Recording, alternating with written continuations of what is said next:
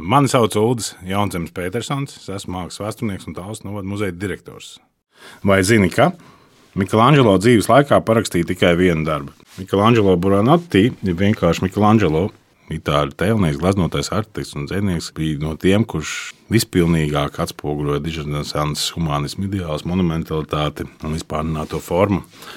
Savā karjeras sākumā Viņš dzīvo Florencē, atrodas Lorenzo Medici aizbildniecībā, kur viņš ir iemitinājies viņa pilī.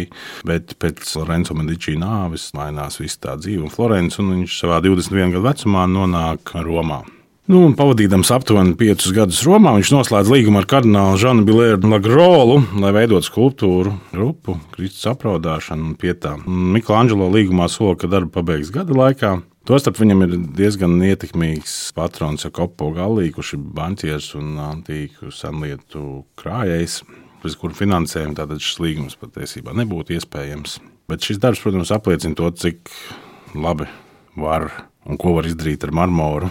Miklāņģelo tiešām īstenoja šo vienu no pazīstamākajiem darbiem pie tā, kas ir dzīvā mirušā ķermeņa harmoniskais apvienojums un izveidot tiešām dižanescence raksturīgā mierā un iekšējā līdzsvarā, tam laikam tādā raksturīgā trīsturveida kompozīcijā. Šis darbs, protams, Miklāņģelo padarīja pazīstamu visā Itālijā un izsauca sajūsminājumu.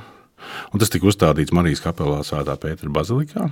Pats Miklāņģelo bieži nāca uz turieni un pēc nostāsta nu, kļuva par nebrīvu liecinieku divu cilvēku sarunai, kur apbrīnoja skulptūru un apgalvoja, ka skulptūru radījis pavisam cits meistars, jo tik jauns. Nevienam varbūt uz to brīdi Romā nezināms, es taču nevaru neko tādu izdarīt. Bet Miklāņģelo neuzdrošinājās iejaukties šajā sarunā un pats zinot, ka tas ir viņa darbs.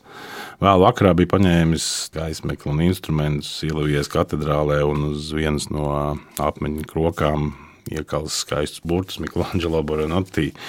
Vēlāk viņš tā kā esot nožēlojis šo lepnumu un nekad vairs nav parakstījis citas skulptūras. Jāteic, gan, ka arī citi darbi neprasa Miklāņģelo paraksts, jo tie ir atpazīstami to starp viņa skulptūru Dāvids. Ja mēs runājam par darbu autorību, tad tieši ar renesans vispār ieviešās šī tradīcija, ka darba autors sāk savus darbus lēnām parakstīt, jo līdz tam viduslaikos praktiski mākslinieks savus darbus nekad neparakstīja.